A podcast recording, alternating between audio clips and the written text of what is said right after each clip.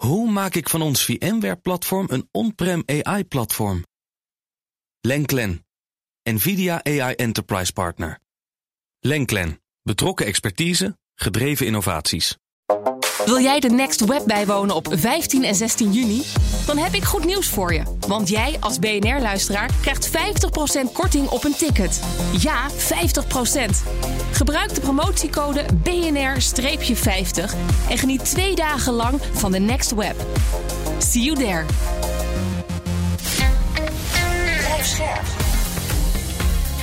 BNR Nieuwsradio. Digitaal.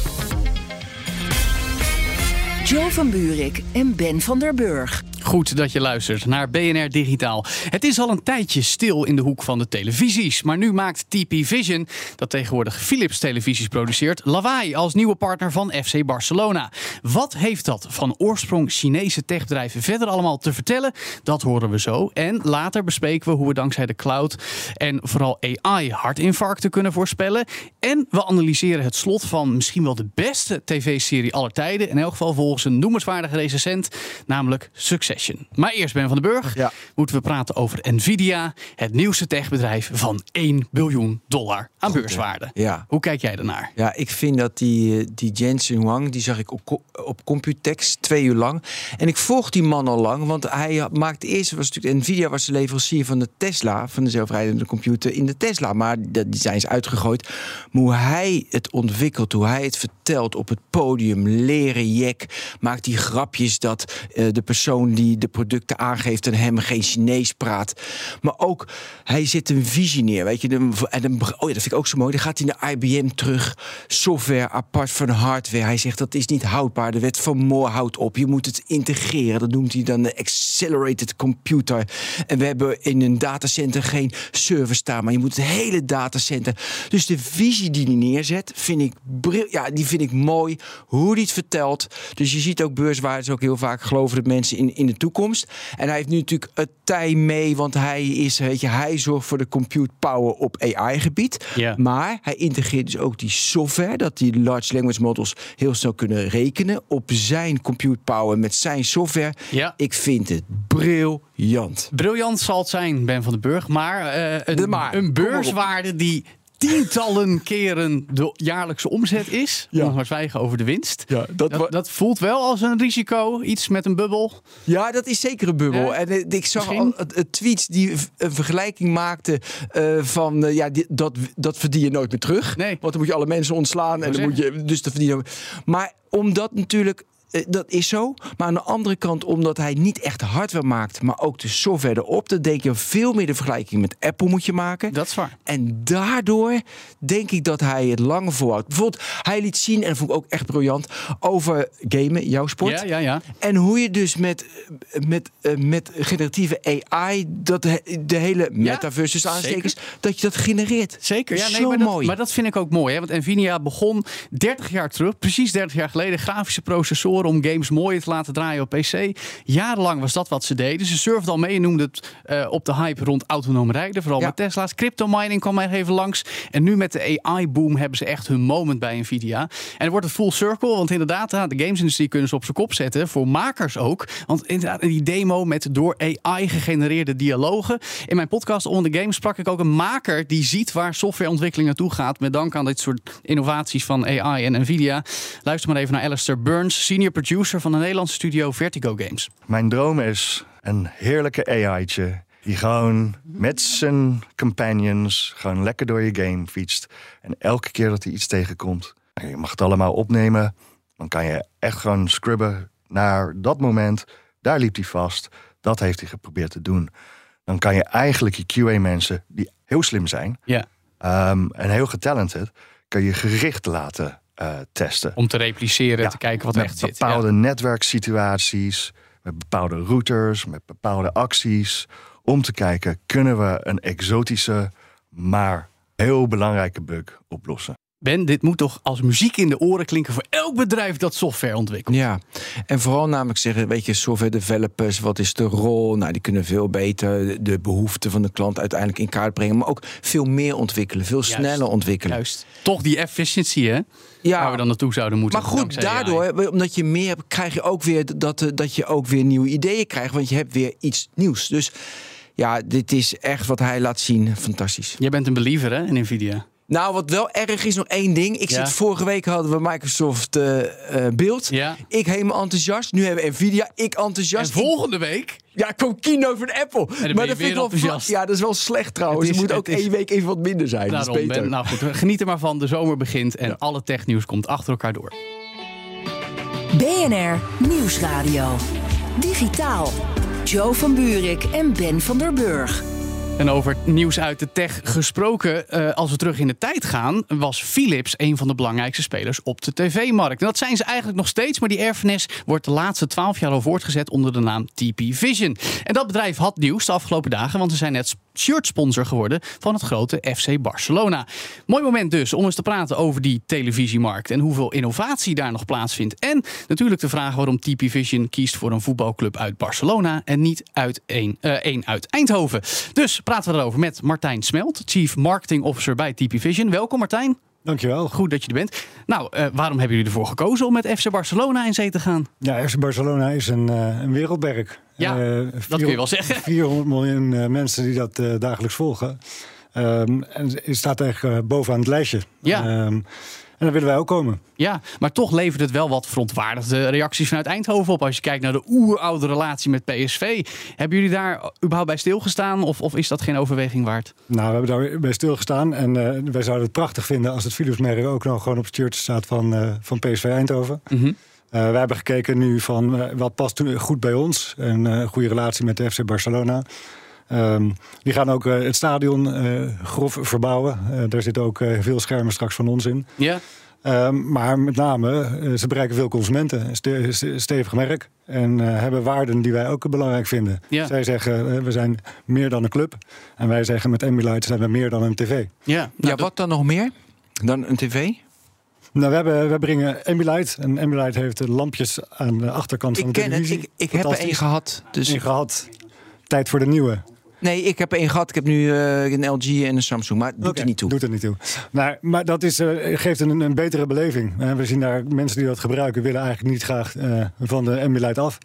Als je het uitzet, dan mis je het. Ehm, en dat willen we eigenlijk meer aan de wereld vertellen. Eh, meer mensen bereiken. En eh, Barcelona kan er een grote rol in spelen. Ja, voor de goede orde, hè? eh, jullie maken televisies en audioapparatuur met de merknaam Philips of Ambilight TV in het geval van televisies vanuit het bedrijf TP Vision. Maar hoe ziet die constructie er nou anno 2023 eigenlijk uit? Ja, ja ik, hoorde je al bij de opening zeggen, het is een van oorsprong Chinees bedrijf. Kleine correctie, we zijn een Taiwanese bedrijf. Oké, kijk, goede Ehm, correctie. Maar eh, we zijn een dochter van, eh, van TPV. En TPV is eh, een van de grootste producenten van schermen in de wereld. Dat Ja. niet alleen televisies, maar ook monitoren. En sinds 2012 zijn wij ja, onderdeel van, van TPV. Ja, En daarvoor was ik ook werkzaam bij Philips. Een hele club mensen, R&D, marketing, sales, productontwikkeling, productie... is allemaal overgegaan van Philips naar eh, TP Vision. En Ja. daar hebben we een, eh, een mooi bedrijf van gebouwd. Ja, het blijft natuurlijk wel fascinerend. Ik heb me een tijdje geleden ook in verdiept. Hoe Philips natuurlijk, als we kijken 25 jaar terug in de tijd, een heleboel divisies heeft afgestoten, waaronder deze. Ehm, hoe leeft het oorspronkelijke Philips DNA uit Eindhoven, zou ik toch maar even zeggen, dan voort in TP Vision? Blijft dat behouden? Verandert dat heel erg? Heel, eh, heel sterk. Het blijft heel, eh, heel sterk. Er zitten altijd nog mensen die eh, destijds bij Philips zaten en nu nog steeds bij, bij TP Vision zitten. Ja. Die wonen daar dan ook? Waar, waar bedoel je? Nou, in Daar? Taiwan. Nee, de- nee, we hebben een club zitten in, eh, in Gent eh, voor R&D. We hebben hier in Amsterdam hebben we het eh, commerciële hoofd, eh, hoofdkantoor zitten. Ehm, we hebben inderdaad collega's in, eh, in Polen zitten voor productie. We hebben collega's zitten in, eh, in eh, Azië op verschillende plekken. Eh, ook voor softwareontwikkeling, voor productie, eh, R&D. Ja. Eh, het is een wereldwijde speler. Ja. Eh, en we hebben daar eh, ja, het Philips-merk eh, met trots eh, onder licentie. Ja. En merken jullie meer dat het product push is vanuit Taiwan? Dit kunnen we allemaal. Of is het wel heel erg uit de markt? Dit hebben mensen nodig. Ja. Waar, waar zit die verhouding? Nou, dat is een goede vraag. Eh, van oorsprong is de hele televisiemarkt is natuurlijk een vrij grote pushmarkt. Waar heel veel technologie de markt in geduwd wordt. Ja. Heel veel in tech, is dat zo? Ja. Nou ja, laat ik me even tot televisie eh, eh, nu beperken. Maar dat, dat gebeurt. En, en daarom zijn we ook heel blij met dit partnership die we nu met de FC Barcelona. En we hebben ook een aantal andere partnerships. Ja. En dat wordt geboren vanuit nou, hoe komen we eigenlijk dichter bij de consument. Ja. Sta- staan we dichterbij. En niet alleen de merkbekendheid, maar ook eh, ja, terugkrijgen van een consument van wat is nou eigenlijk belangrijk. Ja, maar dat eh, levert voor mij een interessante vraag op. Want oké, FC Barcelona, internationaal vermaarde club, speelt overal ter wereld, wordt overal ter wereld bekeken. Maar welke markt is voor jullie nu het belangrijkst? Ja, het, het grappige is, dit is inderdaad een heel groot merk. Ze hebben 400 miljoen eh, eh, geïnteresseerden, om het zo maar te zeggen. Mhm. Een groot deel zit daar in, eh, in Azië, een groot deel zit in Afrika, een groot deel in Latijns-Amerika. Oké. Voor ons, als het gaat over de ontwikkeling van Ambilight, is de eerste, eerste stap gaat echt over Europa. Ja. Maar daar, daar zou ik zeggen dat jij nu zo lang actief. Het is natuurlijk nog steeds een felle concurrentie met Koreaanse merken, kan ik me voorstellen. Maar daar hebben jullie toch al in ieder geval een hoop merksbekendheid veroverd. En je noemt net wat opkomende markten. Eh, Is dat voor jullie de prioriteit of, of is daar geen onderscheid Nou, de eerste, eerste stap, wil ik zeggen, is, is Europa. Eh, ja, we hebben eh, bekendheid. Eh, maar als je kijkt naar de bekendheid van Ambilight TV, is dat eh, naar mijn smaak nog te weinig. Ja? Dus daar gaan we op inzetten. En, eh, en dan daarna komt inderdaad eh, de andere regio's. Ja, maar op zich, het Ambilight bestaat volgens mij al 25 jaar als, als fenomeen. Dat, dat, dat, dat kennen we toch wel? Of onderschat ik dat dan eh, als, als tech-kenner? Ja, maar als marketeer moet je toch ook elke keer weer eh, zorgen dat je boven het lijstje komt te staan van eh, waar, eh, waar een consument eh, een behoefte aan heeft. Dus eh, ja, daar moeten blijven investeren. Ja, even Europese markt. Zeker Samsung 1, denk ik. Hè? LG 2, Hisense zal ook in de top 5. Jullie zijn 5 of 4? Wij zijn vier. Vier, ja. ja. Ja, en het doel is de top 3 weer terug inkomen. Nou, je wilt top 3 speler eh, zijn. En, Ja. en nogmaals, ik denk Ambilight TV is meer dan tv. We zijn, eh, omdat de push echt uit de industrie komt, eh, gaat het heel vaak over hele technische termen. En over hertzen en over UHD en over eh, OLED of eh, QLED, et cetera. Ja. Ja, de gemiddelde mens, eh, persoon die in de winkel inloopt, heeft echt geen idee. Die ziet het nog, niet eens. Je heeft nog steeds zoiets van: ik wil een platte tv en ook leuk als er kleurtjes heb Geef, mij een tv en ik zal op radio laten zien hoe groot het ongeveer moet zijn. Ja, ja. En, en, en that's it. Ja. Ehm, en daarom is het voor ons belangrijk om dan Ambilight TV Maar neer te zetten. wat ik me dan afvraag, eh, nou ja, laat ik het anders zeggen. Ik heb het idee dat innovatie in de tv-hoek eigenlijk al best wel lang stilstaat. Maar wat ik jou de afgelopen twee minuten hoor zeggen, is er hoeft ook niet geïnnoveerd te worden, want de consument hoeft geen innovatie in de televisiehoek. Of zie ik dat verkeerd? Televisie kijken is wel interessant om, eh, om te kijken naar de afgelopen 70 jaar hè, hier in Nederland. Ehm, dat begon met z'n allen rondom de radio te zitten. Dat werd een televisie, met z'n allen rondom de televisie zitten. En dat is nog steeds. Ja, tv kijken doe je met elkaar. Ja, of op je eigen schermpje op je telefoon of tablet. Maar dan inderdaad op je telefoon en tablet. En Ja. in de afgelopen jaren zie je een heleboel streaming services eh, opkomen die stap voor stap ook de gewone televisie overnemen. Met apps. Met apps, ehm, een heleboel sportkanalen, eh, een heleboel ehm, eh, filmkanalen, documentaires. Ja, dat is wat mensen willen kijken. Dus je, je kijkt on demand. Maar je wil wel goede kwaliteit. En je wil ook gewoon eh, eigenlijk de, de bioscoop. Of misschien ook wel het stadion naar huis brengen. Maar ik zie wel een grote trend naar dat mensen smart TV-apps gebruiken. Je ziet het gebruik daarvan Ja. verschrikkelijk Ik toenemen. gebruik alleen maar apps op mijn smart Ja, TV. precies. Of spelcomputers. Je ik ziet geen kastje, toenemen. geen analoge tv meer. Ja. Maar ja, die apps, daar ha- hangt het dus allemaal vanaf. Nou ja, en daar, eh, hoe zijn jullie daarmee bezig? Daar zijn wij eh, heel druk mee bezig. Ja. Eh, dus het gaat er inderdaad om dat je de app, eh, app zit op de televisie, dat Mhm. het goed werkt. Eh, nu ook met fast channels. Dat zijn eh, allemaal eh, veel content die je via een app ook op je televisie eh, terug kan, kan krijgen.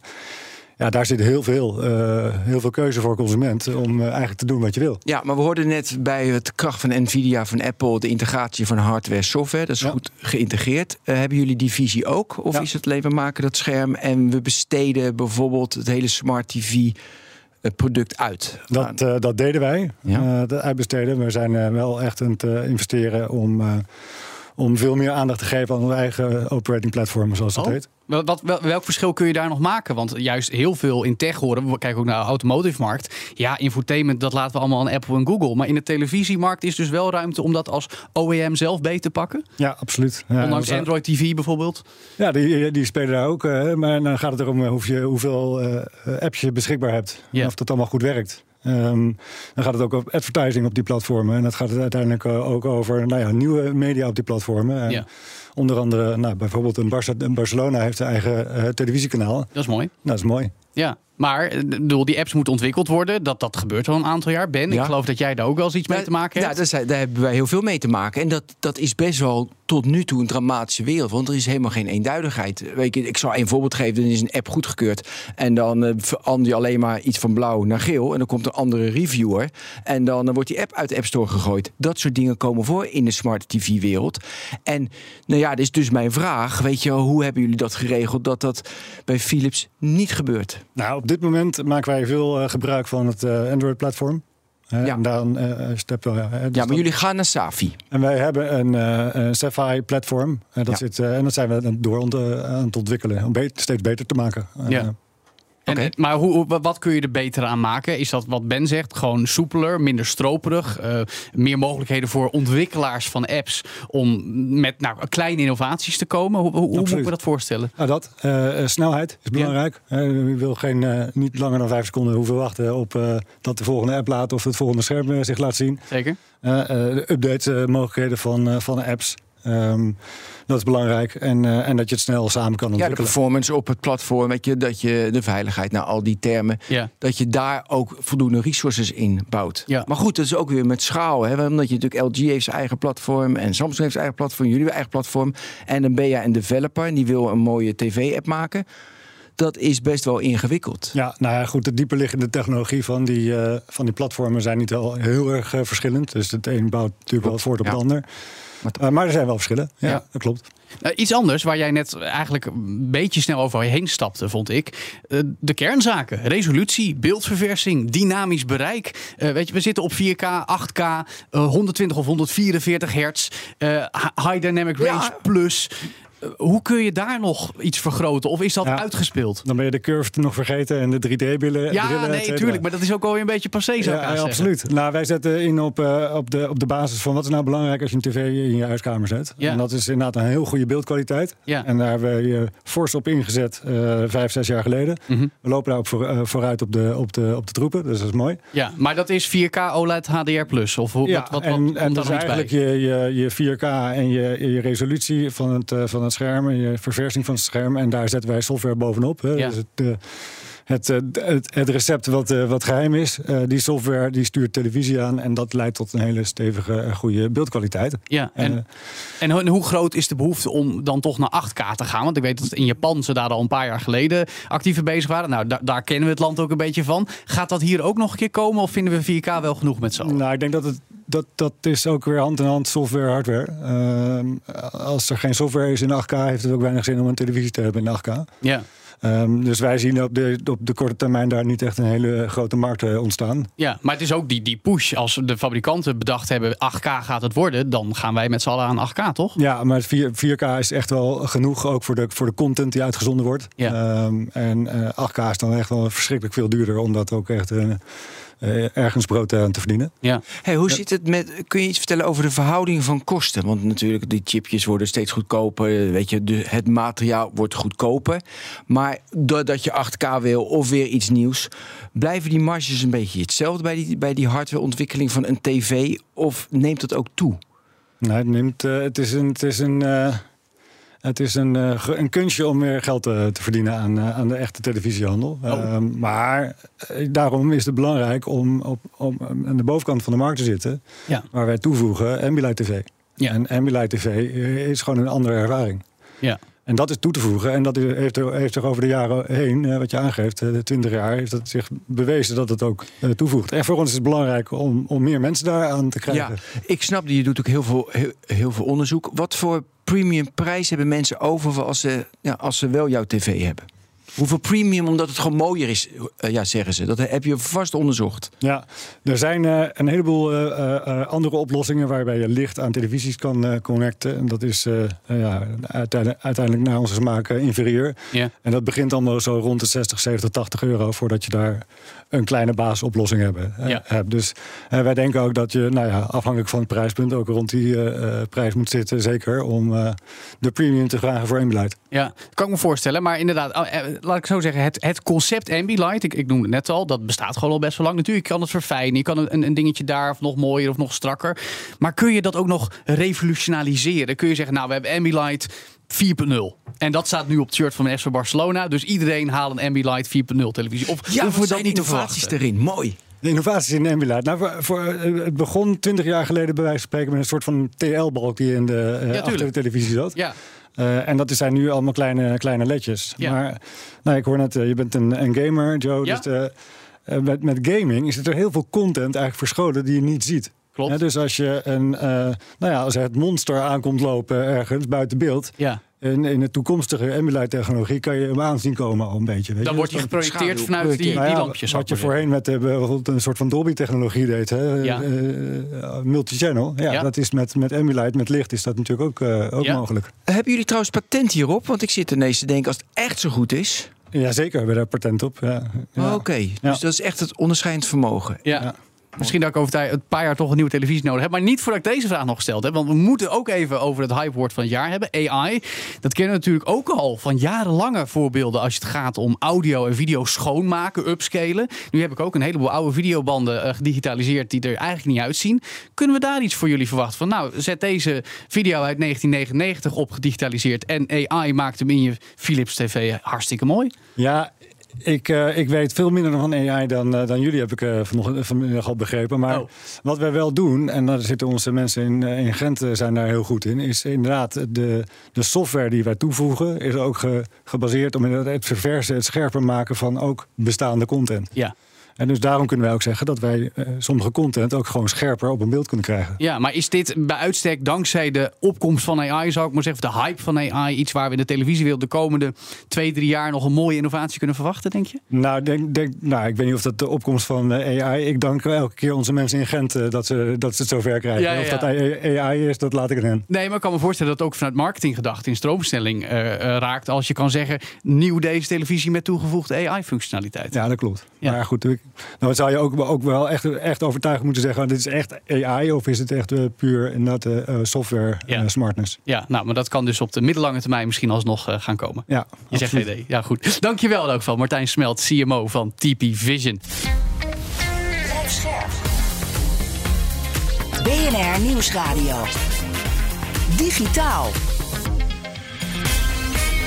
Joe van Buurik en Ben van der Burg. Welkom terug bij BNR Digitaal. Is Succession de beste tv-serie aller tijden? Nou, volgens in elk geval één van de mensen in deze studio, misschien wel meer, is dat zo. Maar of dat echt zo is en vooral waarom die serie voor Warner Bros. Discovery zo geweldig is, dat gaan we straks bespreken. Eerst dit. Ieder jaar krijgen 40.000 Nederlanders een beroerte. En de wetenschap leert ons dat iedere minuut dan cruciaal is. Dat zag ook Nicolab, die vanuit het Amsterdam UMC Technologie met uiteraard AI hebben ontwikkeld om beroertes sneller te kunnen vaststellen en behandelen.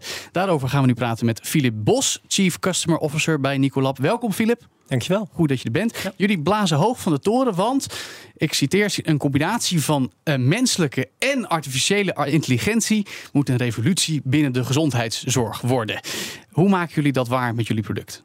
Nou, zoals je net al aangaf, het is een tijdskritische component als je over beroertezorg praat. En dat gaat eigenlijk nog wel verder als je over acute zorg in het algemeen praat. En op dat moment telt iedere minuut. En in Ja. het geval van een beroerte eh, weten we dat iedere minuut dat een beroerte niet behandeld wordt, sterven er 2 miljoen hersencellen en zijn dan 22 gezonde levensdagen. Ja. Dus wat we zien in die situatie is dat het voor een arts eh, belangrijk is om zo snel mogelijk toegang te krijgen tot alle informatie om de juiste behandeling te kunnen stellen. En we zien daarin dat ehm, ja, eigenlijk een cloud-oplossing die in 2015 door Nicolab al ontwikkeld is, een essentiële ja, component speelt. Omdat er zijn zoveel partijen betrokken in een beroerte. Want het is een neuroloog, een radioloog. Je hebt vaak assistenten, je hebt supervisors, je hebt een neurointerventieradioloog. Heel veel factoren. Al die partijen moeten zo snel mogelijk een beslissing nemen over wat ze zien. Ja. En vervolgens ook eh, toegang krijgen tot die informatie. En, en zelfs in Nederland, maar eigenlijk wereldwijd, is dat een kritische component die soms ontbreekt. Ja. Hoe je, hoe je ehm, de beelden beschikbaar maakt. En Ja. met name als een patiënt moet worden doorverwezen naar een ander ziekenhuis. Hoe krijg je dat hele pakket van informatie dan mee? Ik wil heel flauw gewoon de user journey. Ik krijg nu een beroerte. Hoe gaat Nicolab me helpen? Eh, ik, allereerst hoop ik dat het niet gaat gebeuren. Maar eh, wa- wat er zal gebeuren, hè, we bellen meteen een ambulance. Ja. De ambulance rijdt hiervoor, brengt je naar in waarschijnlijk dit geval het dichtstbijzijnde eh, ziekenhuis waar ze een behandeling kunnen. En dit zal het AMC zijn omdat de beroerte nu plaatsvindt. En we weten, we hebben op dit moment gezien dat, dat, uh, dat je net een paar minuten geleden nog in goede gezondheid was. Laten we zeggen dat je in een ziekenhuis uh, binnen wordt gereden. Dan kom je naar de uh, plek waar de CT-scanner staat. Ja. Daar word je door de CT-scanner gehaald. Dat begint altijd met een blanco CT, zoals we dat noemen. Dat is een CT van het brein waarin er geen contrastvloeistof is. En waarin ze gewoon eigenlijk gaan kijken van wat zien we in het brein. En de Ja. belangrijkste differentiatie die gemaakt moet worden is... is daar een bloeding of is er geen bloeding? En zou dat vermoedelijk een bloedprop kunnen zijn? Want beide kunnen de klachten van of de symptomen van een beroerte veroorzaken. Waarom het belangrijk is als je een eh, bloeding hebt, wil je geen bloedverdunners geven, want dan zou je dat kunnen verergeren. Maar juist als het een bloedprop is, is dat bloedverdunnend middel eh, in ieder geval een van de behandelingen die je kan geven. Ja. Dus de eerste triage vindt plaats op die blanco CT. Ja. Ehm, vervolgens, nadat er is gekeken, is de bloeding of niet, laten we ervan uitgaan, het is geen eh, bloeding, maar het is een bloedprop. Ja. Worden er twee aanvullende scans gemaakt, vrijwel standaard. In ieder geval een CT-angio, zoals we dat noemen. Dat is een CT-scan weer, maar met contrastvloeistof. Ja. Wat betekent dat door die contrastvloeistof de vaten in het brein eh, eh, inzichtelijk kunnen worden gemaakt. Dus die ligt eigenlijk wit op. Ja. Wat daarmee gebeurt, is dat ons systeem, en dat gebeurt eigenlijk al. Hè, ik zal zo nog even samenvatten wat Nicolop dan doet, maar om die patient journey even te noemen. Eh, die die, die, eh, vaten lichten op. Ja. Eh, dan gaat de arts zo snel mogelijk kijken: kan ik ergens dat die vaatstructuur onderbreekt? Dus dat die contrast niet doorloopt, maar dat er een blokkade zit. Nou, dat zou kunnen identificeren dat daar het probleem zit. Ja. Vervolgens kijk je ook naar hoe de voorziening van het bloed is, links en rechts van het brein, om te zien zijn er omwegen die nog bloedvoorziening geven.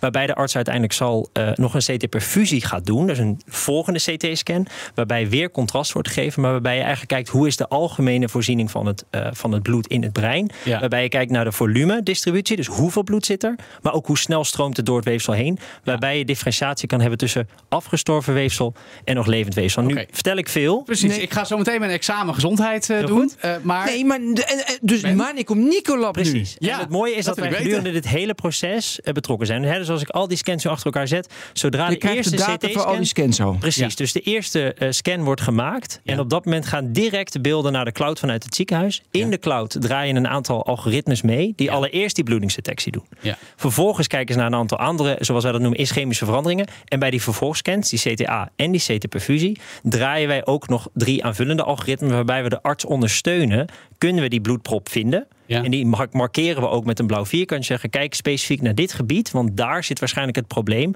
Wat je zou kunnen behandelen met bloedverdunners, maar met name ook met eh, een, een operatie waarin je die bloedprop daadwerkelijk verwijdert. Ja, dus kort samengevat, je hebt de scans, die upload je naar de cloud. In Ja. de cloud zit zo'n grote dataset die je heel goed kan vergelijken. Ja. Dit moeten we doen, dat moeten we niet doen. Super mooi samengevat, zeker. En het, eh, de kernessentie voor ons is niet alleen dat we meekijken en dat we ondersteunend zijn, maar met name de snelheid. En dat ik eigenlijk hier, in de, in de demo-omgeving zou ik hier jullie, dat kunnen de luisteraars niet zien, meekijken op mijn telefoon. Dus ik kan diagnostiek doen op mijn telefoon. Direct kijken wat er Direct. En, en daar zit denk ik de kern van ons product, is dat we die Ah. snelheidswinst willen genereren. En uiteraard kijken we mee, geven we visualisatie van hè, de, de, de inzicht wat er in het brein gebeurt en gebeurd is. Ja. Maar met name de toegang tot beelden.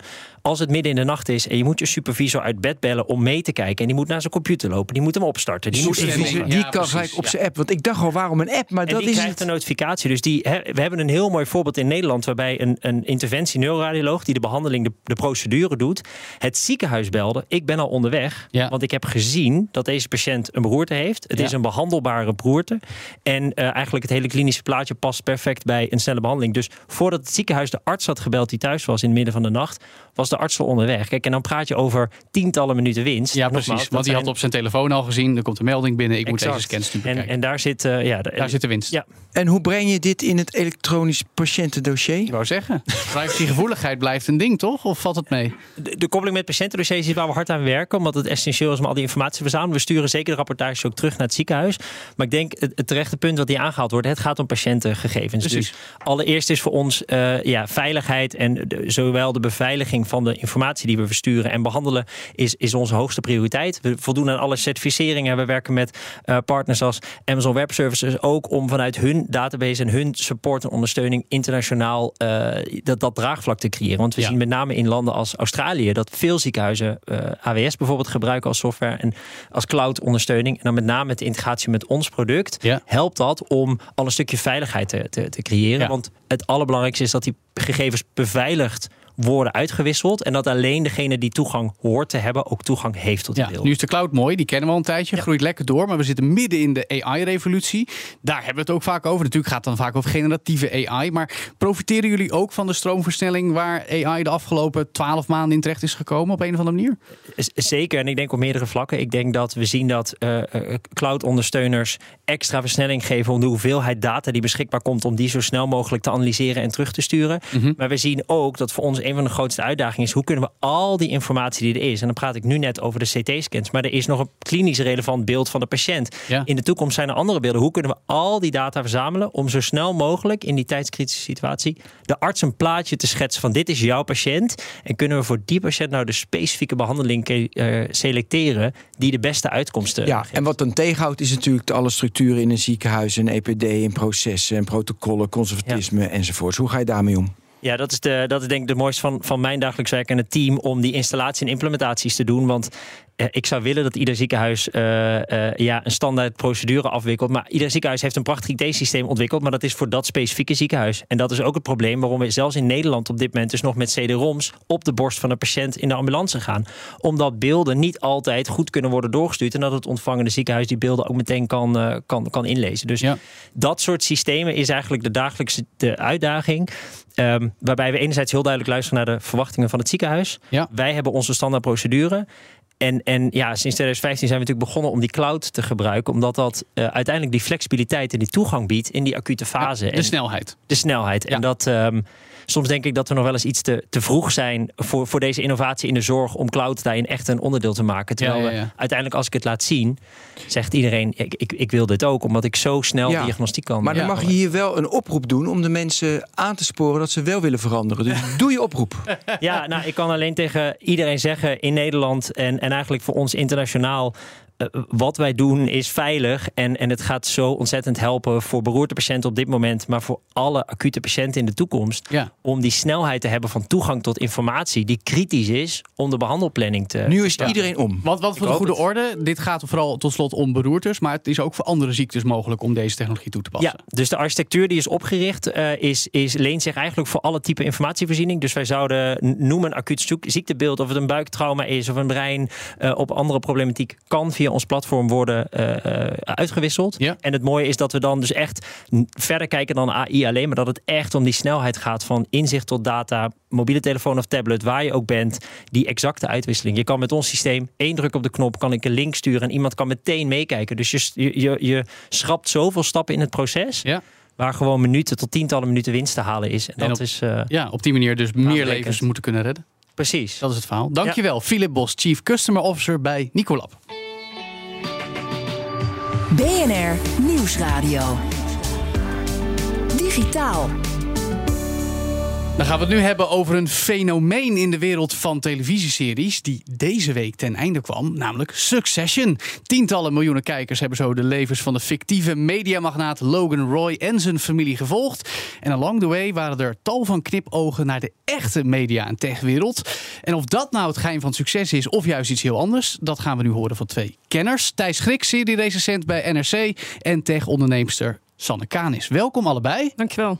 Dank je, dank je. Thijs, je hebt je baard laten staan, want jij zit al in de paniekmodus omdat Succession is afgelopen. Ja, ik kom ook amper mijn bed meer uit. Ik ben helemaal depressief. Een ja. groot zwart gat. Ja, nou ja, goed, ik kan me voorstellen. Overigens zeg ik er gelijk even bij. Ik heb amper de eerste aflevering van seizoen 1 kunnen zien. Kwestie van prioriteit en tijd, zou ik maar zeggen. Dus we gaan proberen dit gesprek zo vrij van spoilers als mogelijk te houden.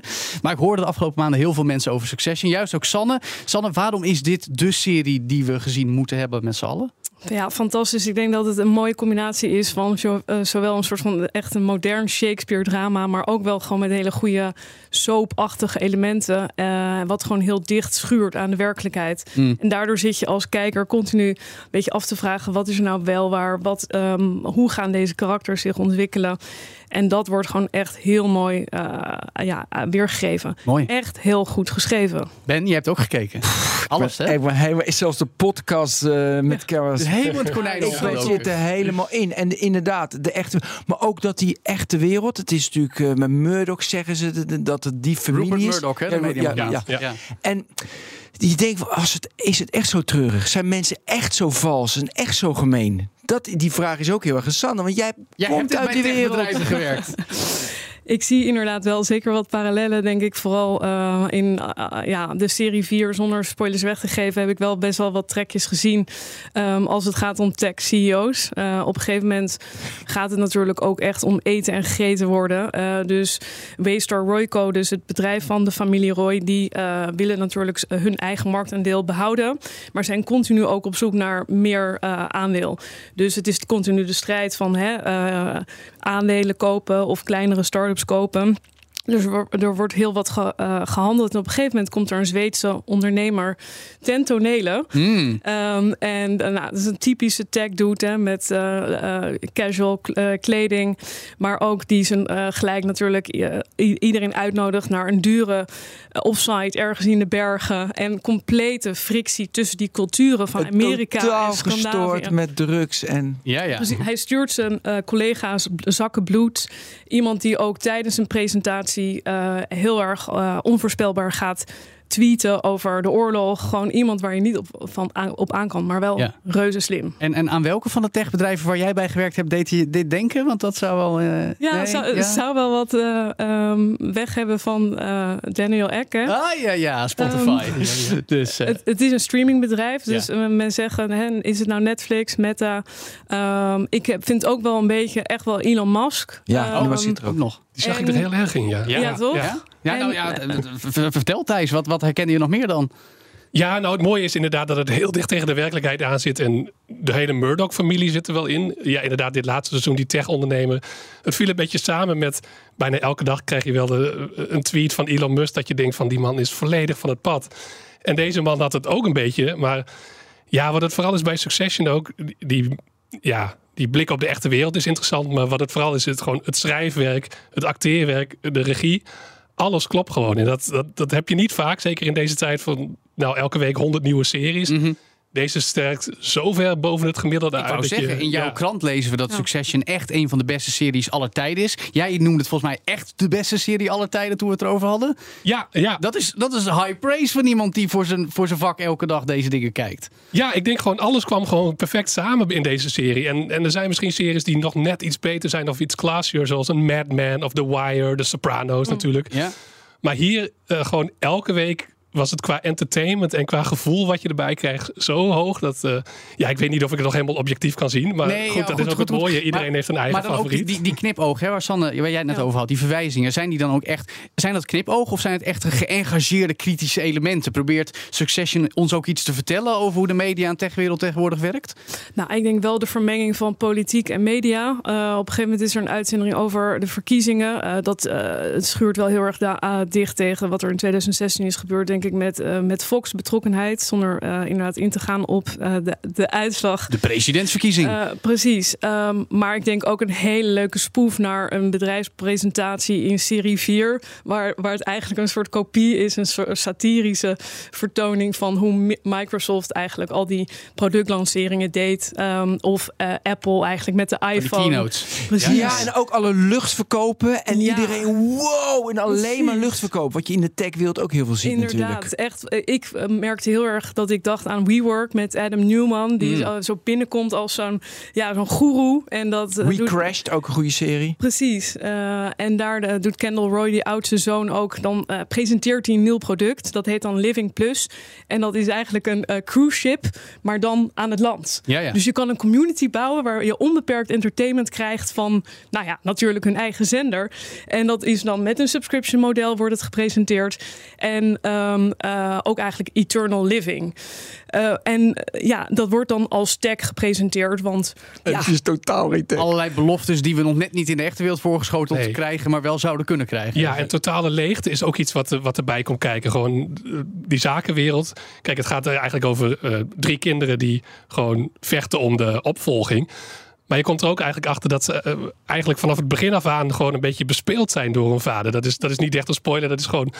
Ja, Hoe het leven werkt. Hoe het, le- hoe het leven werkt. Ja. En dat ze altijd gewoon in de schaduw van die vader zitten en het nooit goed genoeg kunnen doen. En dan vooral Kendall, zeg maar de, ooit door zijn vader de number one boy genoemd. En Mm. hij denkt altijd, ik moet het waarmaken. Maar het lukt hem net niet. Hij is misschien net niet hard genoeg voor die wereld. Het is een verschrikkelijke man misschien. Maar hij is niet zo ruthless zoals zijn vader. Ja. En dat is een van de fantastische dingen die erin zit. En ook eh, de acteur die dat speelt, eh, Jeremy Strong.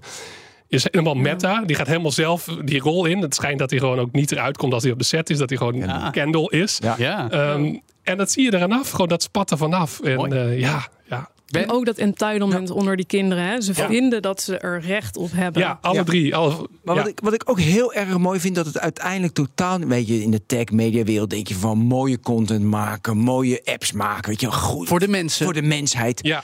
Daar gaat het totaal niet om. Nee, en dat zien we ook bij Elon Musk. Dan gaat het En tot- macht. Alleen Nee. maar macht, aandelen. eh, eh, eh, En, maar dat is best ontluisterend, vind ik. Nou, Ja. dat gebrek aan morele kompas, dat is heel heftig. Volledig. En zeker Ja. met ETN, één deel wat dan eigenlijk vooral ingericht is op een rechtse, oudere publiek.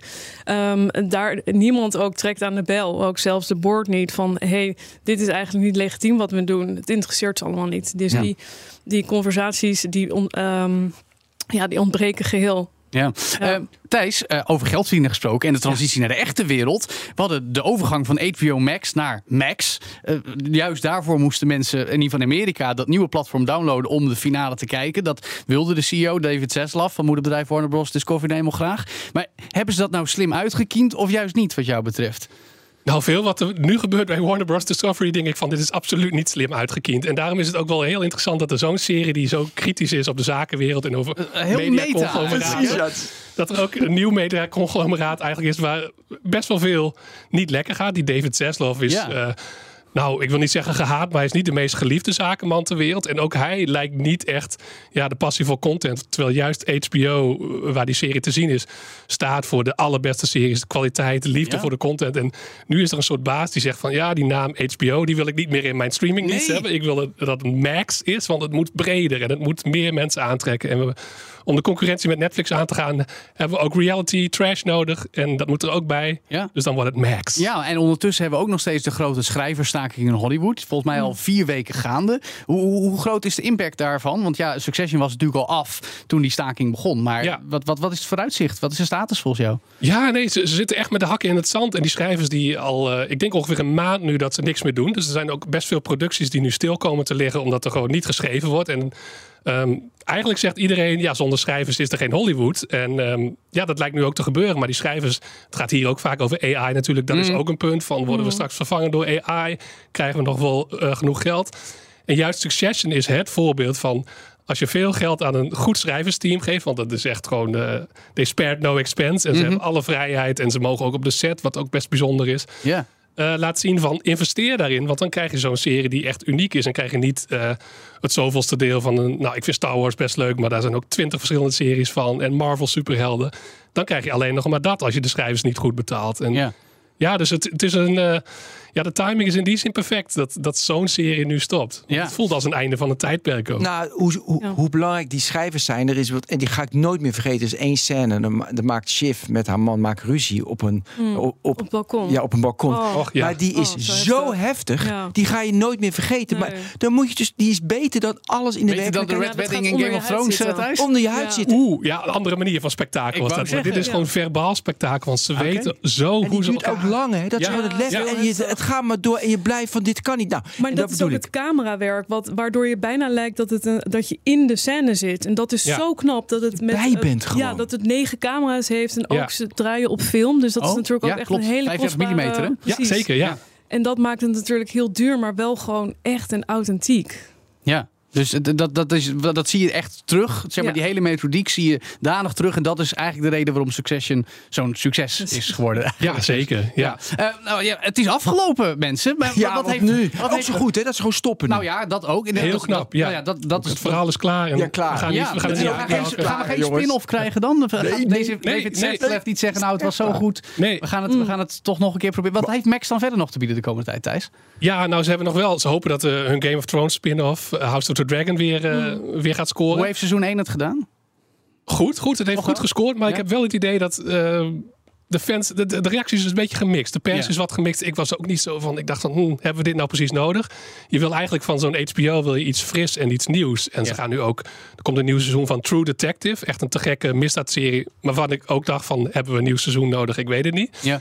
Ehm, ze zijn een beetje zoekende. Ja. Dat wel. Ja, Ja. White Lotus, de, eh, de serie 3. Dus Oké. die, ja die komt er ook. Ja, ja. Daar kijk ik heel erg naar uit. Welk En- streamingsplatform ook weer? Ook Ja, ook HBO HBO Max. Ja. Oké, oké, ja. Ook wel. satire op rijke mensen natuurlijk. Ja. En als je van dit eh, genre houdt eh, en Succession leuk vindt, dan zou ik ook Industry aanraden. En dat gaat over een investmentbankier in Londen, vrouwelijke eh, dame, eh, die daar haar weg probeert te, ja, te bereiken. eh, en ook eigenlijk een beetje een last heeft van morele randjes in Ja, de ja. financiële wereld. Ook Ja. de moeite waard. Nou, zo te horen is het toch leven na Succession. Ja, absoluut. Toch Ja, wel. nou, Stiekem wel. gelukkig- maar, weten we dat ook weer. Veel dank Thijs Grik, serie-recensent bij NRC en tech-onderneemster Sanne Kanis. En tot zover BNR Digitaal. Dit programma is natuurlijk ook altijd te beluisteren als podcast op elk platform waar je podcast luistert, inclusief de app van BNR en bnr.nl. En dan kun je ook luisteren naar de Tech Update twee keer per dag, de Cryptocast en de Technoloog. Ben, deze week AI bij het fietsen. in Nee, de sportwereld. Data. Tech en sport. Je moet je AI zeggen, want dan gaat iedereen luisteren. Precies, jouw werelden bij elkaar. Nexus, nieuwe aflevering elke donderdagavond. En van All in the Game ook deze week donderdagavond om half acht. Een nieuwe aflevering over de revolutie in het maken van games. En natuurlijk volgende week woensdag weer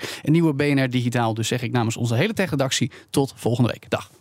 Hoe vergroot ik onze compute power zonder extra compute power? Lenklen, Hitachi Virtual Storage Partner. Lenklen, betrokken expertise, gedreven innovaties.